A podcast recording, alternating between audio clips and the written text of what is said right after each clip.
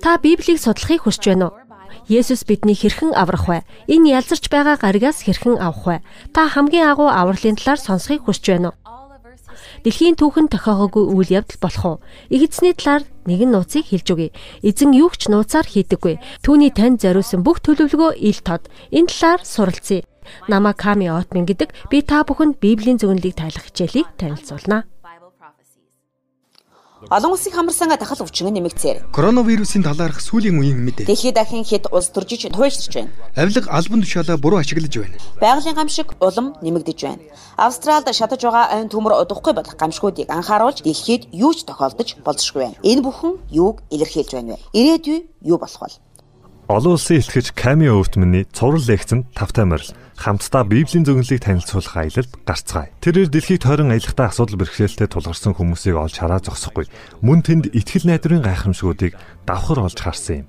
Ками Өвтмөний Библийн зөвнөл цувралууд лекцтэй хамт байгаарай. Тэрээр Библийн зөвнөл хэрхэн биелэгдэж байгааг харуулах болно. Зөвнөлүүд урд үеийнхаасаа илүү хурдан биелэгдэж байна.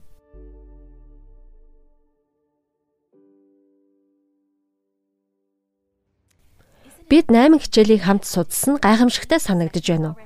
Та анх удаага энэ хичээлийг үзэж байна уу? Хэрв тийм бол холбоос дээр дарж бидэнд мэдэгдээрэй.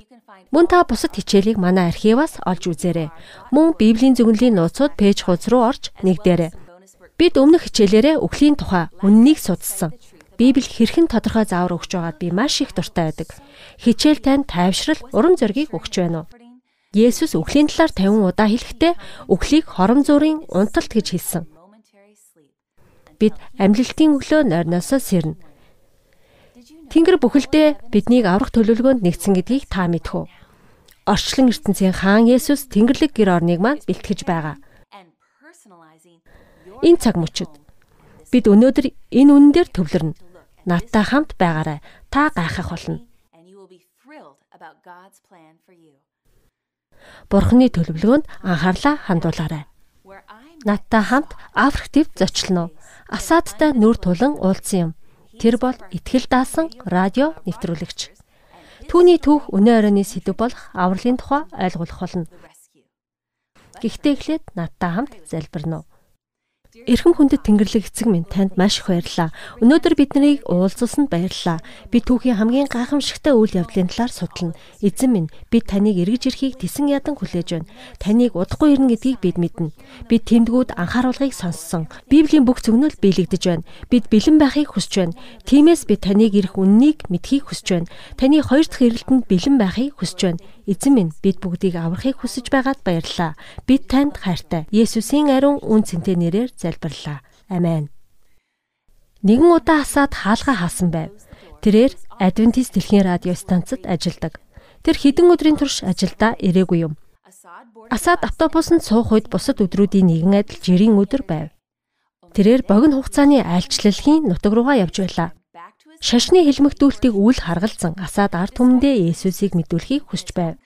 Энэ хүсэл түүнийг удирдах байлаа. Гэнэт Асадын бодол тасалдав. Гурван баг өмссөн хүмүүс автобусыг зогсоогоод буу барин сүрдүүлв. Тэд Асад руу дөхөн ирэхэд тэрээр доош бүхих гítэл. Энэ бидний хайж байгаа хүн байна. Бид энэ хүнийг хайж байсан юм гэв. Тэд түүний радиод ажилладаг гэдгийг мэддэг байсан юм. Түүнтэй холбогдохыг хүсэж байв. Тэд түүний өгсөн хариултанд сэтгэл хангалуун бос байсан тул тэд түүнийг том хоосон тээврийн чангалагт оруулав. Цэвэр агаар нарны туяа байхгүй газар тэр харанхуйд сув. Түүний аймс, гутал, хүрмийг нь тайсан байлаа. Асаад хэцүү нөхцөл байдлаас болоод шаналж байв. Чингэлэг дээр нарны туяа тусахад чингэлэг маш халуун болж байлаа. Харин шөндөө огцом хүйтэрнэ. Асаад хоол хүнс усгүйгээр хүнд өвдөв. Тэр харанхуй тусгаарлагдсан байхдаа баг насаа дурслаа. Тосгоны үзэгсэлэнт газрууд түүний өмнө гисхив. Түүнийг олдсон хүмүүс маск зүвсэн байсан юм. Тэрээр цугтан гарч хамаг хүч чадлаараа гүв. Тэр харанхуйд ганцаараа надад юу тохиолдох вэ гэж бодов. Асаадын оюун ухаан дурсамжинд автав. Тэр баг багта асрамжин газарт өрчлүүлж байжээ. Тэр тэнд Адвентист дэлхийн радиото танилцсан юм. Тэд хамтдаа сун радио сонсож байгаад баригдах юм бол шийтгүүлнэ гэдгээ мэдэж байлаа. Тэдэнд Христэд итгэхийг зөвшөөрдөггүй байв. Гэвч тэд үннийг мэдхийг илүү хичээх болов. Тэгсэн нэг өдөр асрамжийн газрын дарга түүнийг ажлынхаа өрөөнд дуудаад Асадыг асрамжийн газраас гарах усныг дуулгасан байна. Тэд дахин ирэхгүй гэж бодоод Асадын зүрх өвдөж байлаа. Надад юу тохиолдох бол гэж тэр бодож байв. Тэр ганцаараа төмөр чангалах сууж байхдаа дахиад дээрх асуултаа эргцүүлэн бодов. Ганцаардсан, гутарсан, хүүхд шиг. Асаад нүдэн анин бодлоо. Тэр радиогийн ажлынхын талаар бодов. Асаад нутгаас оргон зайснаас хойш Адвентист радиогийн хөтөлбөрүүдийг бэлдсэн юм. Тэрээр төрлөх хэлээрээ нутгийнхандаа зориулж нэвтрүүлэг хийсэн юм. Түүний нутагт Христэд итгэхийг хоригдсан боловч Асаад сайн мэдээг радиогоороо түгээж чадсан юм. Асаад радиод юу тохиолдох бол гэж бодов. Хэрэг тэр эргэж ирээгүй бол хэн нэвтрүүлэг хийх вэ? Өдөр 7 хоног өнгөрлөө. Асаадыг гинт соллоо. Гэвч түүнтэй хүнлэг бусаар харьцсан байлаа. Тэрээр үлссэн, зодуусан, цахилгаан цохилсан юм. Тэр маш их тэсвэр төвчээрийг давж гарсан юм. Нэгэн өдөр түүний гарыг чөлөөлөв. Түүнийг гэртээ харж болно гэж хэлв. Тэр итгэж чадахгүй байлаа. Тэрээр эрх чөлөөтэй болж эзнийг магтав. Тэр автобусанд суугаад гэрийн зүг явав. Тэрээр радиогийн ажлаа үргэлжлүүлсэн юм. Асаад хүнд байдалд орсон ч гэсэн тэр аюулгүй байдлаа эзэн даатгсан.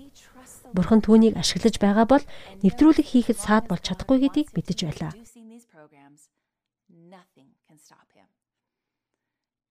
Бурхан авралын ажлаа хийдэг.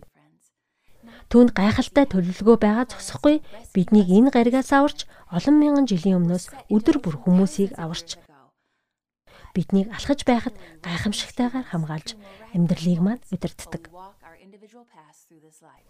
Асааттай тохиолдсон зүйл үүнийг батлна. Эзэн биднийг үхлийн ангалаас аврах болно. Бурхны эцсийн төлөвлөгөө түүний үгээр биелэгдэх болно.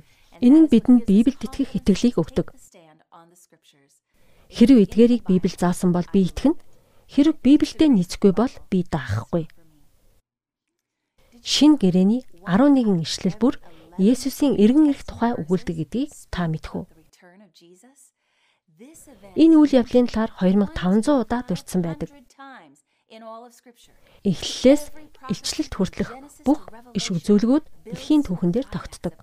Энэ бол Есүсийн хоёр дахь ирэлт. Энэ бол түүний авралын тухай ярьж байгаа асуудал. Илчлэлт номыг уншаад Есүс гэдэг нэгэн үндсэн сэдв байгааг анхаараарай. Библиэд долоон толгойтой араатныг гол сэдв гэж танилцуулдаггүй. Тэгэхээр Илчлэлт 14:14 дээр дараа нь би харсан харагтун цагаан үүл үзэгдэж үүлэн дээр хүний хүү шиг нэгэн сууж байна. Түүний толгой дээр алтан титэн ба хурц хадуур байна. Илчлэлт ном ийм дүр зургийг харуулдаг. Есүс ирж байгааг Библи дүрсэлдэг. Түүний толгой дээр хаадын хаан, эзний эзэн гэсэн титэн байх болно. Библи Есүсийг нууцаар дэлхий рүү гитэн ирнэ гэж хэлээгүй.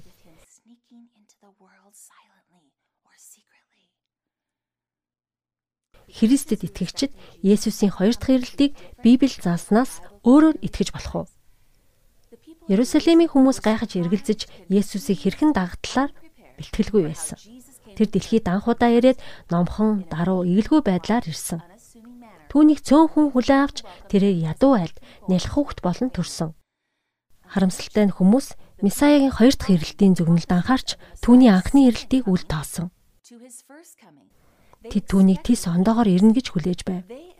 Тэд Ромын хаанчлалыг унгана. Хүмүүс дарлуулж байсан учраас ийм хүссэн. Тиймээс юудэчүүд Есүсийг хаан адил ирнэ гэж бодож байв. Тэд нарт эрх мэдлийг өгч Ромын эрх мэдлийг нураана гэж ботсон. Түүх давтагддаг. Өнөө үед олон Христэд итгэгчид Есүсийн дахин ирэлтийг буруугаар төсөөлж байна. Библи түүний ирэлтийг тодорхой дүрсэлсэн байдаг. Есүс бидэнд тодорхой тэмдэг бодит мэдээллийг өгсөн. Түүний хоёр дахь ирэлтээр хуурам эхлэгчийг ялгаж чадна. Толгой дээрээ алтан титэм зүүж ирнэ. Библиэд Христийн дахин ирэлтийг үргэлж хүч чадал ба алдар суудаагаар ирнэ гэж өгүүлдэг. Та Илчлэлт номыг уншаад түүнийг үргэлж тэнгэрлэг сүр жавхлантай ирнэ гэж дүрсэлсэнийг харах болно. Илчлэлт 19-ийн 11-ийг үзье. Тэнгэр нэгдэв. Харагтун. Цагаан морьтон гарч ирэв. Түүн дээр морьцсон хүнийг итгэлтэй нэгэн гэж нэрлдэг байв. Үнэн бөгөөд зөв шудраг байдлаар шүүдэг нэгэн дайн хийдэг. Ишлэл 14. Нарийн майланган цэвэр ариун хувц өмсөн цэргүүд хамт бараалхах болно. Тэр цагаан морьтой ирнэ. Библиэд Есүсийг ягаад ийм дүрсэлдэг вэ? Түүнийг ягаад ийм бэлэгдлэр дүрсэлдэг вэ? Цагаан морь бол цэвэр ариун байдлын бэлэгдэл. Ялалтын тэмдэг. Есүс алтан титэмтэй цагаан морь унаж ирэхэд түүнийг ялсан жанжин гэж дүрсэлсэн байдаг. Тэр бүх бузар муу хүчийг ялахаар ярина. Есүс ялалт байгуулахаар ялгуулсан ба алдар хүчээ дуурсхан ирнэ. Илчлэлт 11:15 дээр дэлхийн хаант улсууд бидний эзний хаант улсууд болно. Христ тэднийг үрд мөнхөд хаанчлах болно. Есүс агуу тэмцлийг төгсгөхөөр ирэхэд гимба нүгэл байхгүй болно. Есүс нууцаар ирэхгүй. Тэр бүх орчлон ертөнцийг хаанчлахаар ирнэ. Түүнийг аврагдсан хүмүүс үрд шүтэж магтах болно. Дахин ирэлтийн талаар маш чухал хоёр асуулт байдаг. Нэгдүгээр Есүс яагаад хоёр дахь удаа ирэх вэ? Хоёрдугаарт би хэрхэн бэлэн байгаагаа мэдэх вэ? Түүнийг ирэхэд шүү дээ. Библи дээр хоёр асуултанд маш тодорхой хариулт өгдөг. Бурхны төгсгөлийн төлөвлөгөө түүний үгээр илчлэгдсэн. Есүс хурам эхлэлтийг маш тодорхой дүрсэлсэн байдаг. Тэр эргэж ирэхээс өмнө Луг 17-гийн 23 дээр тэд Есүсийг энд харагдсан эсвэл тэнд харагдсан гэж хэлэх болно. Тэдний араас битгий яв. Бүү даг. Өөрөөр хэлбэл хэн нэг нь Есүс нууцаар уулзалт зохион байгуулж байна. Токио эсвэл Нью-Йоркд ирсэн байна. Эсвэл сүмд нууц өрөөнд харагдсан. Тодорхой нэг шашны бүлэгтээ уулзсан гэвэл тэр олныг цуглуулж байна. Цүл эсвэл дэлхийн айл нэг хэсэгт байна гэвэл тэр бол хурамч Христ гэж бодоорой. Дээр хүүгс худлаа юм. Түүний араас бүх хөөцөлд. Луг 17-гийн 24. Аянга Тэнгэрийн нэг хэсгээс гэлбдэг шиг Тэнгэрийн нөгөө хэсгийг гэрэлдүүлдэг шиг хүний хүүгийн ирэх тийм байх болно. Христ гинт Холливуудын ток шоун дээр гарч ирэхгүй. Эсвэл гайхамшигыг бүтээгчдүүрээр Парисын гудамжинд үзэгдэхгүй. Есүс томоохон гудамжинд зогсоод энэ дэлхийг хандан үгээ хэлэхгүй. Есүс гараа өргөж сайрхахгүй. Би бол Месая гэж зарлахгүй. Тэр аян гайдал үзэгдэнэ. Тэнгэрийг бүгд нь гэрэлтүүлнэ. Христ дээрээс бууж ирнэ. Тэр газраас гарч ирэхгүй. Өчигдөр ярьсан түүхийг санаж байна уу? Ник гэдэг хүн сахиус нь удахгүй газар дороос гарч ирнэ гэж хэлсэн. Хүсвэл та тэр түүхийг архиваас нөхөж үзэж болно.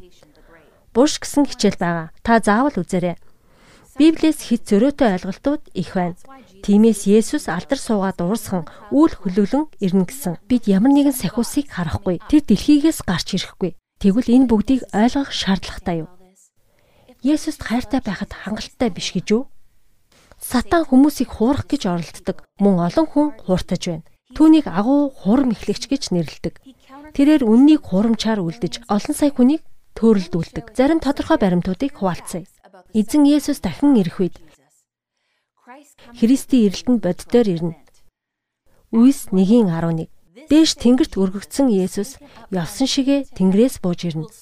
Түүнийг тэнгэрт одохыг харсан шиг ирнэ. Есүс таталцлын хүчнээс үл хамаарч дээш хөрсөн. Шавнар нь түүнийг ширтэж байх зуур. Тэр улам дээшсээр алга болсон. Тэд түүнийг явсныг харсан шиг эрхийг нь харна. Жинхэнэ Христ дээш өргөгдсөн. Мөн адил буун ирнэ.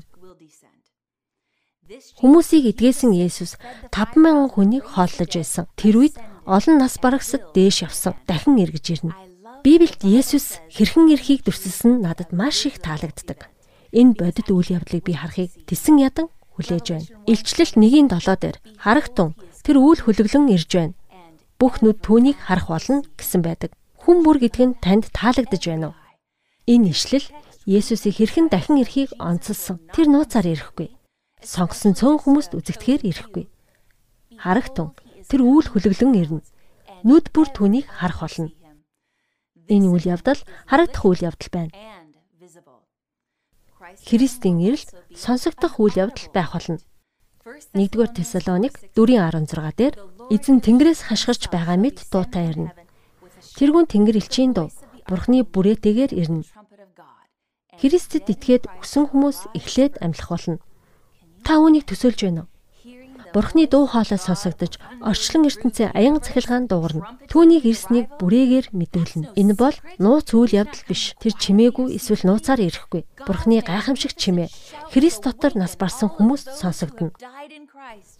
Түүний дуу хоолой буршнуудыг нэвтлэнэ. Хүмүүс ялалт байгуулагч хааны аврахаар ирсэн дууг сонсно. Тэд тэрүүн тэнгэр элчийн дууг сонсох болно.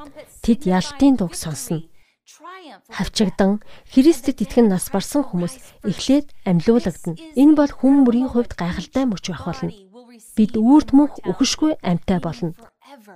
Бид төгс амьдралтай болно. 1-р Тесалоник 4:17 дээр харин амьд байгаа бид тэдэнтэй хамт үүлэнд өргөгдөж их эзэнтэй агаар дээр уулзах болно. Зөвхөн зөвхт өхөсөд амьлахгүй. Зөв шудраг хүмүүс ч гэсэн амьлна. Амьд байгаа хүмүүс Есүстэй агаар дээр уулзах болно. Мянган мянган тэнгэр элчүүд гэрлээ гялалзуулан ирнэ. Та бүхэн үүнээс хоцорч болохгүй. Энэ үйл явдлын төлөө бэрхшээл тууж байгаа бол танд харамсах зүйл байхгүй болно. Есүс бүх сорилтыг давхад тус болно. Тэр танд гайхамшигтай зүйлийг амлаж байгаа. Тэр танд мөнх аймыг үнгүй өгч байна. Есүс дэлхий дээр амьдрахаар ирэх үү? Үгүй. Судар дээр биднийг түүнтэй агаарт уулзна гэж хэлсэн.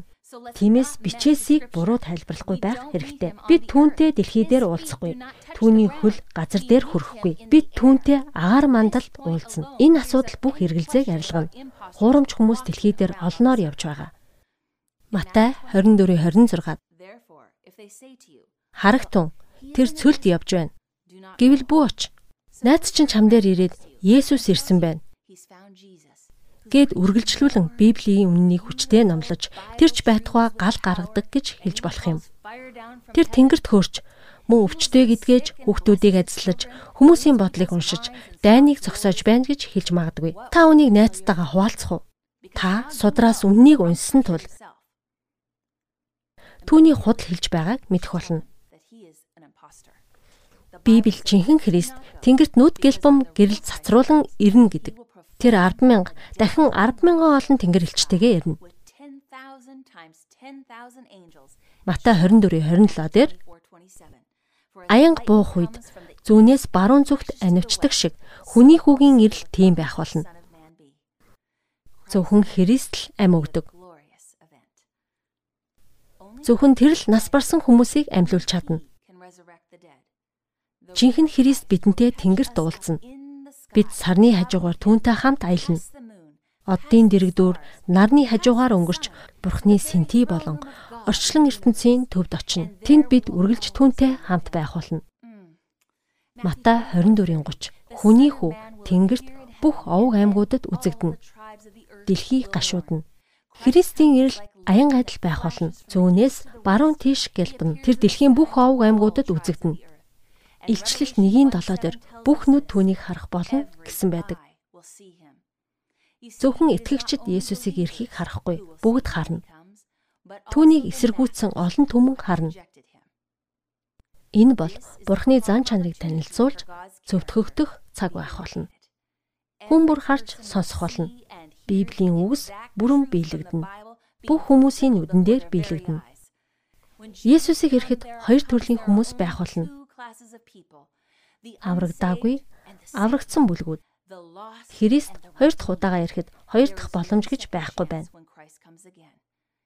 Энэ бол дэлхийн түүхийн оргил үе байх болно. Есүс бодтойгоор ирнэ. Харагдах үйц, сонсогдох үйц сүр жавхлантайгаар ирнэ. Тиймээс юу болж байгаад эргэлзээ гарахгүй. Бүх орчлон ертөнц гэрчлэнэ. Хүн төрлөختний түүхэнд шийдвэрлэх үйл явдал байх болно.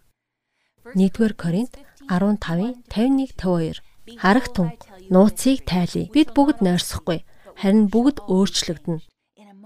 Сүүлчийн бүрээн дугаар бүрээ үлээх үед бүрээ дугарч өөхөксөд ялзаршгүй биетэй болно. Бид дахиж өөхөхгүй. Бид өөрчлөгдөх болно.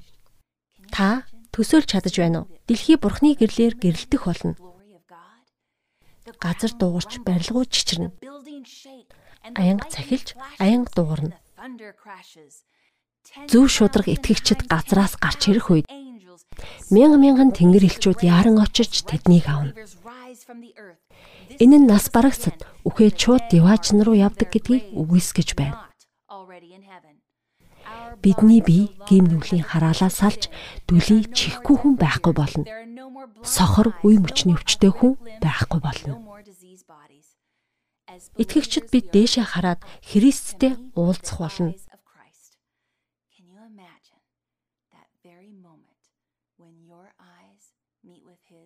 Та энэ мөчийг төсөөлж байна уу? Би нулимстай нүдэрээ түүнийг харж чадах байх гэж найдаж байна. Энэ бол Тэнгэрт хамгийн гайхамшигтай үйл явдал юм. Агшин зур бидний мөнх бус бие өөрчлөгдөж өвчин үхэл үзэшгүй байдлаар өөрчлөгдөнө. Бид гинт өөрчлөгдөнө. Шин амьдрал бүх эд эсээр дамжиж бид эрүүл баяр баясгалантайгаар гэрэлтэнэ. Христийн алдар суг хараад бид түүнийг магтан дуулна. Бидний бие өвчнгүй болон өөрчлөгдөх үед бие маань дороотохгүй болно. Илчлэл 15-ын 3. Таны бүтээлүүд гайхамшигтай. Төгс хүчит эзэн бурхан. Таны зам шудраг ба үнэн. Гигантнүүдийн хаа минь. Эцэст нь хаадын хааныг магтах болно. Итгэгч бүр түүнийг аврагч гэдгийг хүлээн зөвшөөрнө гэр бүлүүд уулзах тэр цаг ямар гайхамшигтай байх вэ? Хайртай хүмүүсээ тэрвэрх болно. Энэ бол бүх цаг үеийн хамгийн агуу жүжиг юм. Исая 25:9-дэр харагтун энэ бол бидний бурхан. Бид түүнийг хүлээж байсан. Тэр биднийг аврах болно. Энэ бол бидний хүлээж байсан эзэн. Бид түүний авралт баяртай байх болно. Бид хуурамч Христийг хүлээн зөвшөөрөөгүй. Хуурамч Месая өөрийгөө Есүс гэж дүр эсгэх болно. Агуу тэмцэл нь хоёр талдаа бөгөөд бие биентэйгээ тулалдах болно.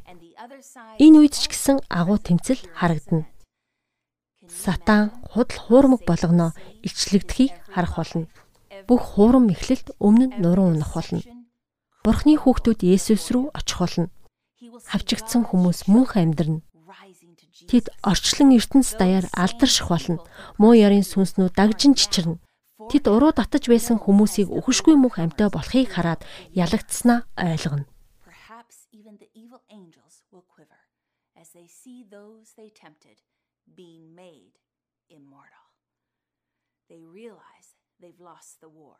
It's over. It's done. 2 дугаар Коринт 6-гийн 2 дээр одоо бол шийдвэр гаргах цаг. Одоо бол аврагдах өдөр. Бидний мөнхийн хувь тавилан сонголтоор шийдэгдэнэ. Өнөөдөр бид шийдвэрээ гаргах хэрэгтэй. Бид сүүлчийн цаг үед амьдарч байгаа гэдэгт би итгэдэг. Бид Христийг эрхийн өмнөх цаг үед амьдарч байна. Та өнөөдөр авралыг энэ тэргүүний зорилт болохыг хүсэхгүй байна уу? Энэ чухал үйл явдал бэлэн байхыг хүсэж байна уу? Библийн 7 баримтыг авч үзье түүнийг буцаж ирэхэд тохиолдно. Нэгдүгээрт маш том газар хөдлөлт болно. Уул, арлууд алга болно. Бас том газар хөдлөлт дэлхийг дэргэх болно. Илчлэл 6-гийн 14-т энэ тухай өгүүлдэг. Дараа нь тэнгэр нэгдэж уул, арал бүр байрнаасаа нүүх болно. Хоёрдугаарт зөв шудраг үхгсэд амилж Паул бидэнд 1-р Тесалоник 4:16 дээр Христ доторх үхгсэд эхлээд амилна гэж хэлсэн булшиндаа нойрсож байгаа хүмүүс Христийн бүрээн дууг сонсоод босгоолно.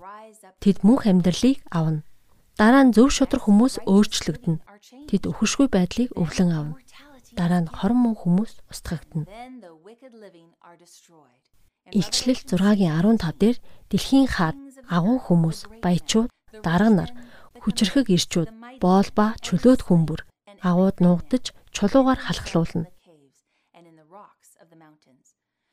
Уус хөдлөн тэдний зүрх сэтгэл өөрчлөгдөхгүй бөгөөд тэд орчлон ертөнцийн бурхныг бууж ирэхийг харна. Тэд түүнийг үгүйсгэж түүнээс нуугдахыг хүснэ. Энэ үед бурхны шүлт явагдаж хүн бүрийг зөвөөр шүүсэн байх болно. Хорон муу хүмүүс түүнээс зүгтах болно. Энэ ишлэлдэр Есүсийг ирэх үед дахин боломж өгөгдөхгүй. Хоёр дахь боломж байхгүй. Есүсийг ирэхэд хорон муу хүмүүс устгагдана. Энэ талаар маргааш наривчлан судлах болно. Та заавал үзээрэй. Дараа нь зөв хүмүүс Христийг ухтан авах болно. Библиэд Христ эрэхтэй бүгд түүнтэй хамт агаарт уулзахаар явна гэсэн билээ. Бичээст олон удаа хүмүүс хэрхэн аврагдсан тухай тайлбарладаг. Удаан хүлээсэн Есүсийг магтан дуулцгаая. Тэд аврагдаад эцэст нь зөв шудраг диваажн руу явна. Халелуя. Одоо тэгвэл түгээмэл буруу ойлголтыг авч үзье. Библиэд Христ хулгайч адил ирнэ гэж зарим нь ярьдаг. Энэ талаар цөөн хэдэн ишлэлийг уншъя. 2 дугаар Петр 3:10. Гэхдээ эзний өдөр хулгайчиг ирэх болно. Тэнгэрүүд өнгөрөх болно. Маш их чимээ шугаан гарна. Матай 24:43. Хэрв эзэн мэдэж байсан бол хулгайч хизээ ирэхийг мэдэх байсан. Тэр гертээ хүлээж хулгайчийг гертээ оруулахгүй байх байсан. Эдгээр ишлэлүүд Есүсийг хэрхэн ирэх тухай өгүүлсэн үү? Есүсийн хизээ ирэхтэй холбоотой юу? Эсвэл хэрхэн ирэхтэй холбоотой юу? Библи хулгайчийн тухай өгүүлэхдээ гинт ирэх тухай өгүүлсэн. Хулгайч би хулгай хийлээгээд орилдог. Би чиний бүх зүйлийг хулгайлна гэж хашгирдаг. Тэр биднийг төсөөлөөгүй байхад гинт хурдан ирдэг. 1995-аас 2001 оны хооронд урлагийн мэрэгчлэн Стефен Брайтвайзер хулгай хийв. Тэр музейн галерейгаас 200 гаруй зүйлийг хулгайлж мөн Европын цайзуудыг тонсон юм. Зарим эрх хэрэгч түүнийг нийт 1.4 тэрбум ам доллар хулгайлсан гэж үзжээ. Тэрээр урлагийг таашаах гэж хулгай хийсэн гэж хэлсэн юм.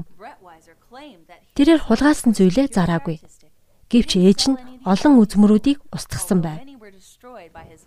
Брайтвайзер хулгай хийх цагаа төлөвлөн нууцаар хулгай хийсэн. Музей, галерей, цайзууд түүний хулгай хийх гэж байгааг огт мэдээгүй. Есүсийг шөнөөр ирэхэд дэлхийн ертөнц түүний гинт ирлээ гэж бодно. Матай 24:36 Тэр өдөр цагийн тухай тэрч байтугай Тэнгэр элч нар ч мэдэхгүй. Зөвхөн эцэг мэднэ. Библи түүнийг яг хизээ ирэхийг зарлаагүй. Хулгайчийг нууцаар ирнэ.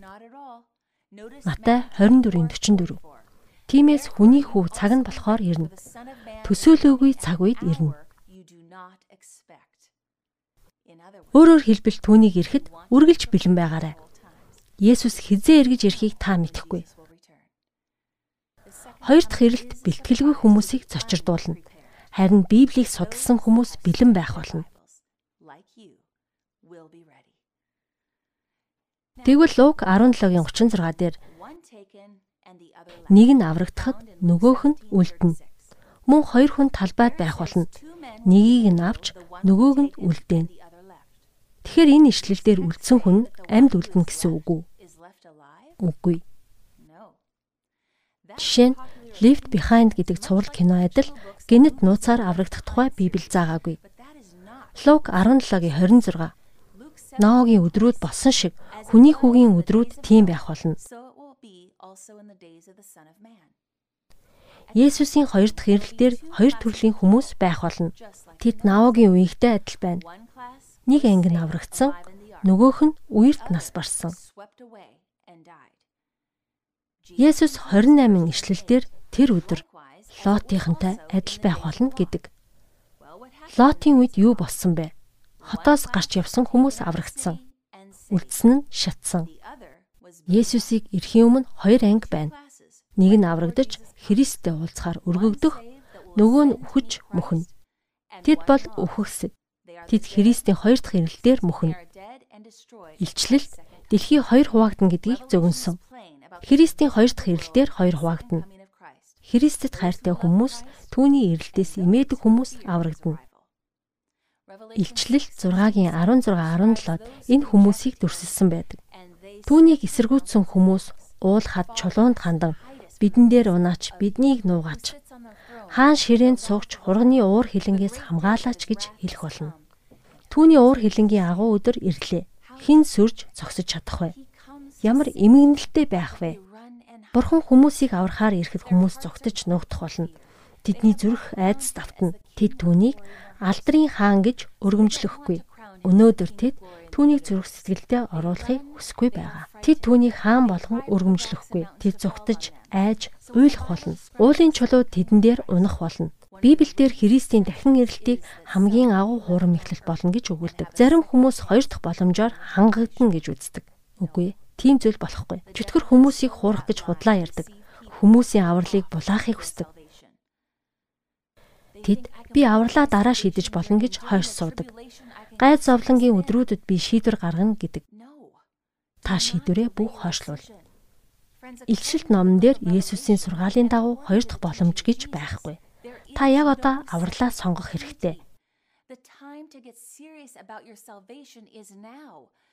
Наагийн үе шиг тэнгэр элчүүд алдрыг хаасан шиг. Тэгээд бороо орсонтой адил тэр мөчөөс хойш хинч аврагдах боломжгүй болсон. Хүмүүс аврагдахаар хичнээн чанга хашгирсан ч хаалгыг хичнээн их тогшсон ч аврагдах хоёр дахь боломж гэж өгдөөгүй. Есүс уулан дээр суун ирэхэд тэр шагналаа авчирна. Бүх зүйл шийдэгдэх болно. Та дээшээ хараад одоо би түүнд итгэмээр байна гэх боломжгүй болно. Учир нь тэр үед оройтсан байх болно.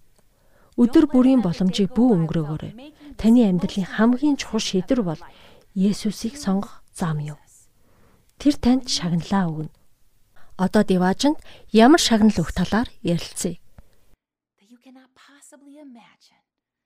But let's take a glimpse of what the reward of heaven will be like. Есүс Иохан 14-ийн 2-3 дээр би орон байраа бэлтгэхээр явна гэж хэлдэг. Хэрэг би явж байр бэлдвэл би та нарыг өөртөө хүлээн авахар ирнэ. Би байгаа газар та нар бас байх болно. Тэгэхээр та юу хүлээж байгааг төсөөлж чадах уу? Орчлон ертөнцийн хаан чамааг аврахыг хүсэж байна. Түүнтэй хамт үрд мөнх байх болно to be with him for all of eternity. Тэр тэмцлийн салхийг тогтоож байна. Яг одоо тэр бид бүгдийг аврахын тулд түүнийг сонгох боломжийг өгч байна. Хоёр дахь ирэлт болох Диважиг сонгоорой. Есүс нэгч болох хүнийг аврахыг хүсэж байна. Нэгч болов. Энэ нь Десмонд Досын түүхийг сануулдаг. Долоо дахь өдрийн Адвентист дайчин зоригтойгоор итгэл үнэмшлээ бурхан зориулсан. Тэр Окинавад хамгийн цус тулаанд оролцсон. Дэлхийн 2 дугаар дайны үеэр 75 хүнийг аварсан юм. Тэр буу барихаас татгалцсан. Тэрээр армийн эмчийн хувьд ганцаараа шархтсан хүмүүсийг дайсны талаас нүүлгэн шилжүүлсэн. Тэрээр буун дунаас айгаагүй. Гарнатад шархтсан цэргүүдийг аварсан юм. Гэхдээ бурхан түүний амийг хамгаалсан. Десмонд бурханд үнэнч байж амьдралаараа түүнийг гэрчилсэн. Бурхан түүнийг ашигласан. Тэр олон хүмүүсийг аварсан. Бурхан бүх цаг үед ёс суртахуунтай бааtruудтай байсан. Десмонд доош шиг хүмүүс олон бий. Би Десмондын залбиралд дуртай. Эзэн минь ээ, надад дахиад ганцхан хүнийг аврахад туслаач. Деважингийн төлөө нэг л хүнийг нэмж аммаар байна. Деважин бол Бурханаас ирсэн бэлэг юм. Би түүнийг хайрлаж Есүстэй хамт байхыг хүсэж байна. Бурхан надад яваажин амласан тул одоо хамтдаа тийшээ анхаарлаа хандуулъя. Илчлэлт 21 22 дугаар бүлгүүдийг унших юм бол эзэнтэй уулзахаар босох үед агаарт бид од гаригсуудын хажуугаар ниснэ. Би Деважиг анхаарна. 12 авраг сувдан халга, эрдний чулуун 12 суур, цэвэр алтан гудамж, бид мөрөөдөж байсан газраа нүдэрээ харах болно. Бид гэрлэр бүрхэгдсэн. Бурхны алдараар бүрхэгдэнэ.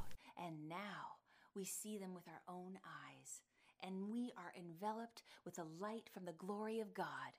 The verses tell us there will be no sun or moon needed. Библиэд нар сар хэрэггүй гэдэг. Бурхан хаанч байсан гэрэлтдэг, гал шиг гэрэлтдэг. Дараа нь бид амийн гол руу очиж Бурханы сэнтигээс урсдаг голыг харна. Бид ер бусын модыг харна. Тэр модны дор бид найрлах болно. Тэнд бид үхшгүй байдлыг хүлээн авна. Ами мод 12 төрлийн жимс сургуулдаг. Тэнд байгааг бид төсөөлж чадахгүй. Ариун хот маш том байх болно. Энэ хот төгс дөрвөлжин хэлбэртэй байх болно. 375 бээр бүгд дотроо төгс байрлсан байна.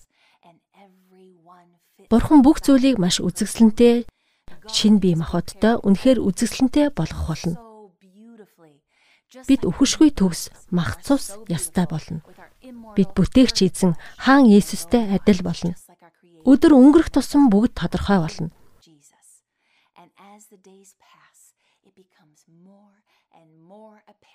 that there really is no more pain, no more fear and no more tears. We are overwhelmed дахин хүмүүс өвдөхгүй. Дахин айдас нулимс урсахгүй. Бид баяр баясгалангаар дүүрэн байх болно. Бид байгаа бүхнээ бүх цаг үеийн итгэгчтэй хамт хуваалцна. Бид зэрэгцэн суугаад бүтээгч аврагчаа магтана. Та зүгээр л бодоод үзээрэй. Энэ бол худлаа үг биш. Одоо хамтдаа судраас уншия. Та эдгээр сайхан амлалтуудыг уншаад Деважингийн тухай тодорхойлтуудыг Библиэл дээрээс уншаарай. Судрыг авч үзье. Тэнд аврах совднууд байх болно. Илчлэлт 21-ийн 21 дээр 12 хаалга хот байна. Бүхэл сувдаар хийсэн 12 хаалга байх болно. Хотын гудамж нь цэвэр алт, шил шиг. Ингээд сувд зовлонгийн бүтээгдэхүүн гэдгийг та мэдэх үү? Бяцхан чулуу хисаан бүрхүүл дотор орж бяцхан амтан зовж шаналдаг. Чулуу хисааг зочроож гялалтсан эрдний чулуу болдог. Деважингийн хаалга нь совд юм. Хаалга үүдийг бурхан бүтээсэн. Христ химжээшгүй зовлон шаналлыг үүрсэн. Тэр бүхнийг өөртөөгөө эвлэрүүлсэн. Илчлэлт 21-ийн 19-20 дээр цуур болон хотын хэрэм бүх төрлийн чулуугаар чимэглэгдсэн. Үнэт чулуунууд. Анхны суурь нь хаш чулуу. Хоёрдугаар суурь нь индранил. Гурав дахь нь хальцидон дөрөвдөх нь маргад, тавдах нь сардоникс, зургаадах нь сардиус, долоодох нь хризолит, наймдах нь берил, эсдэх нь топаз, аравдах нь хирис опрас, 11-дүгээрх нь сархи, 12 дахь нь ягаан болор. Бурхан зөвхөн хамгийн сайныг ашиглаж хотоо байгуулсан. Эрдний чулуу бүрийг давхарлах юм бол дээр дээр нь үзэгсэлэнтэй солонго болно. Бүтээгч маань үнэхээр уран биш гэж юу? Солонго бол ариун хотыг амлсан амлалтын бэлэгдэл. Илчлэл 22-ийн 5. Тэнд шүн болохгүй. Тэнд дэнлүү нарны гэрэл хэрэггүй. Учир нь эзэн бурхан тэдэнд гэрэл өгөхгүй. Тэнд үрт мөнхөд хаанчлах болно. Илчлэл 22-ийн 1-2 дээр тэр надад амийн устдаа цэвэр гол болор шиг тунгалаг ус Бурхны ба хурганы сэнтигээс урсхийг гудамжны хоёр талаар голын эриг амийн мод байхыг харах болно. Эдгээр нь 12 жимс ургуулж, бот бүр сар бүр жимс ургуулна. Модны навчис эдгэрлийг үндэстнүүдийг эдгэхийг бэлэгдэнэ.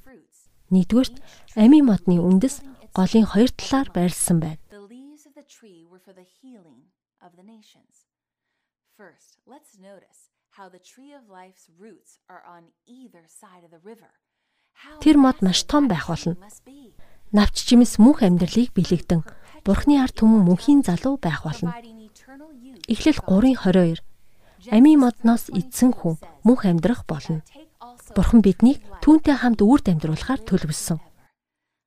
Ариун хот бол архитекторуудын мөрөөдөл байх болно.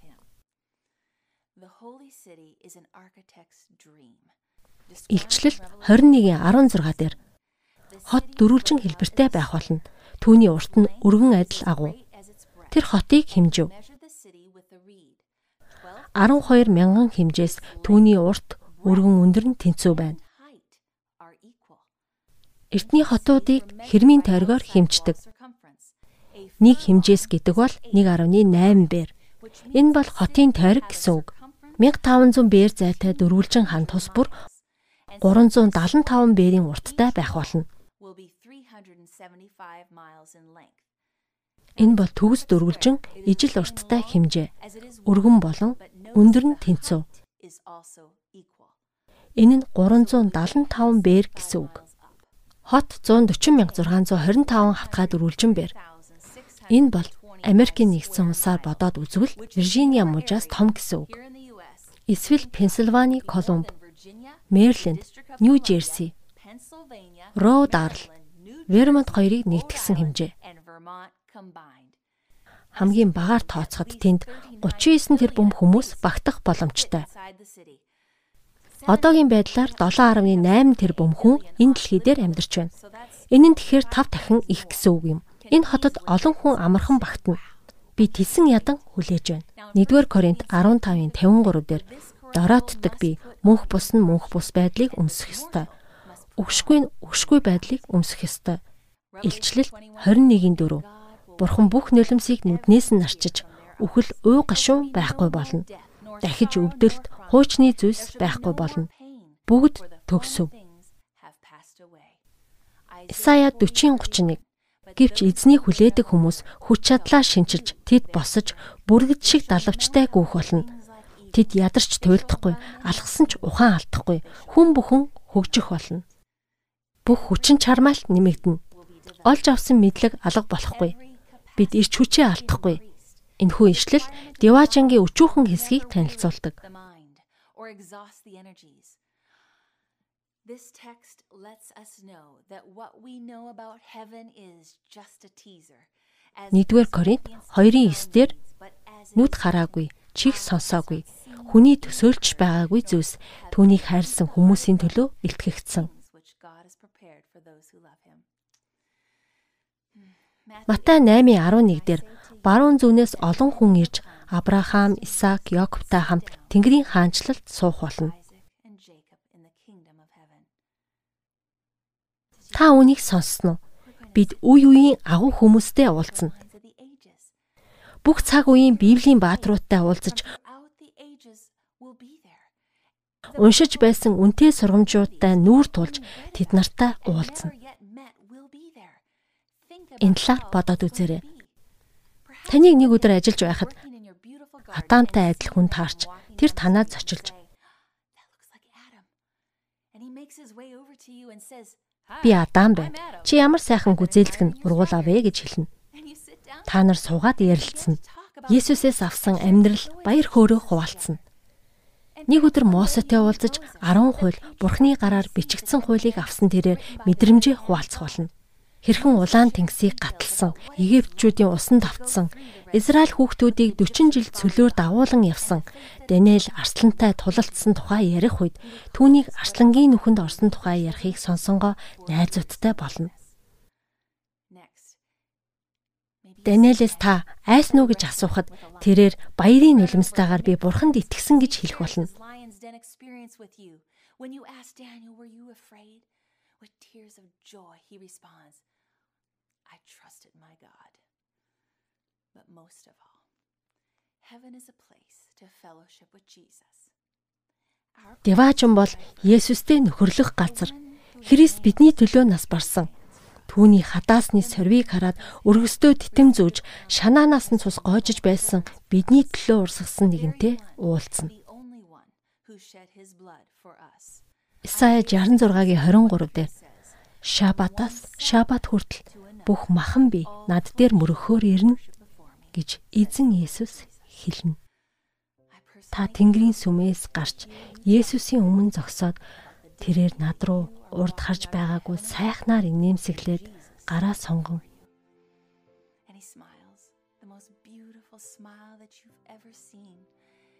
Би чамтай хамт алхмаар байна гэж хэлхийг сонсомоор байна уу?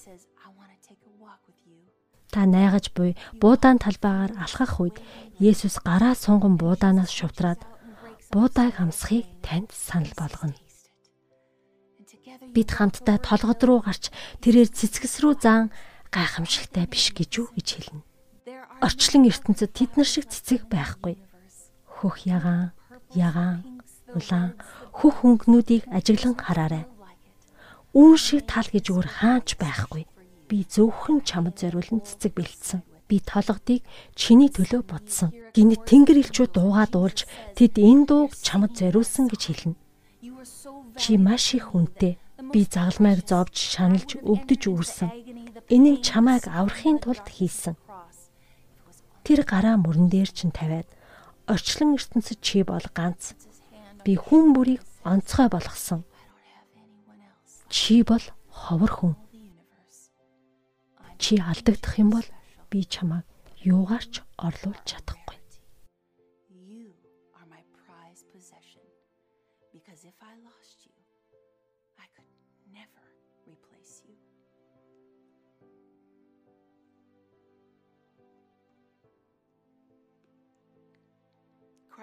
Христ дэлхийд ирээд яваачин бидэнд өгсөн.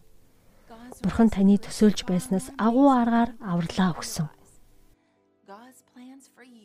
Бурхан төсөөлшгүй агуу төлөвлөгөөтэй. Таныг Христийн ирэлтэд бэлтгэхэд нөлөөлж байгаа зүйл байна уу? Есүс яг одоо бэлтгэлээ хангаж байна. Биднийг деваачин руу дуудаж байна. Тэрээр мөнх хамт байхыг хүсэж байна. Та түүнтэй хамт мөнхөд амьдрахыг хүсэж байна уу?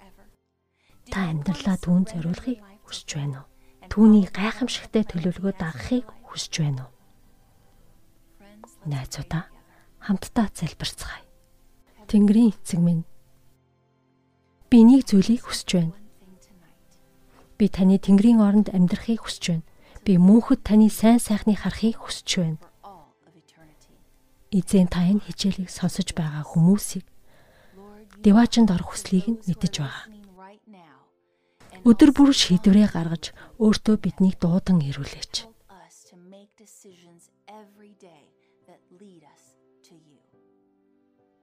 Есүсийн ариун хүчрхэг нэрээр залбирлаа. Амен.